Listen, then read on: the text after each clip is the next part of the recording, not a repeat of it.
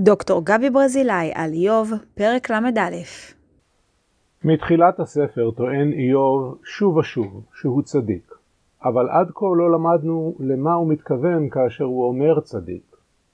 רק כעת, בפרק האחרון של נאום ההגנה שלו על עצמו, הוא טורח לפרט ולהגדיר. בלשון החוק המקראי, צדיק הוא מי שיצא צודק מבית המשפט, וזוהי ההגדרה שמאפיינת את יחסם של ראי איוב אליו. הם טוענים כל העת שהסבל הוא עונש על חטאים, ושאיוב יצא אשם במשפט האלוהי.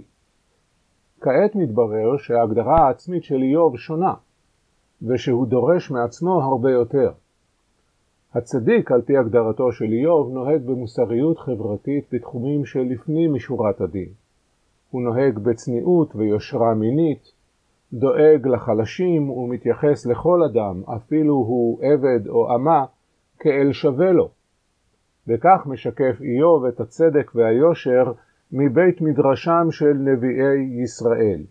הוא מהדהד במיוחד את דבריו של יחזקאל בן בוזי.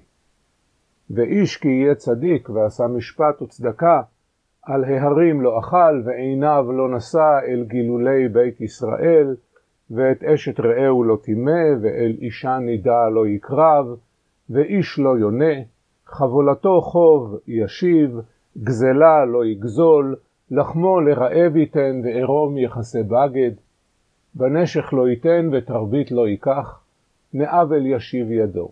משפט אמת יעשה בין איש לאיש, בחוקותי יהלך ומשפטי שמר לעשות אמת. צדיק הוא, חיו יחיה נאום אדוני אלוהים.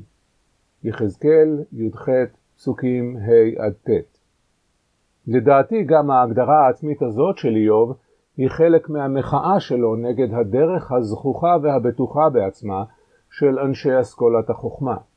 הם חושבים שהם מבינים את ההיגיון והחוקיות של הנהגת האלוהים בעולם, ולכן הכל מסודר אצלם במונחים משפטיים של מותר ואסור, חוקי ולא חוקי, אשם וזכאי.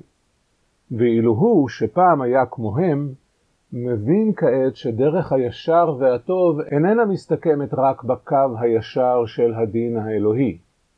היא חייבת לעבור גם ביחסים המורכבים שבין אדם לחברו.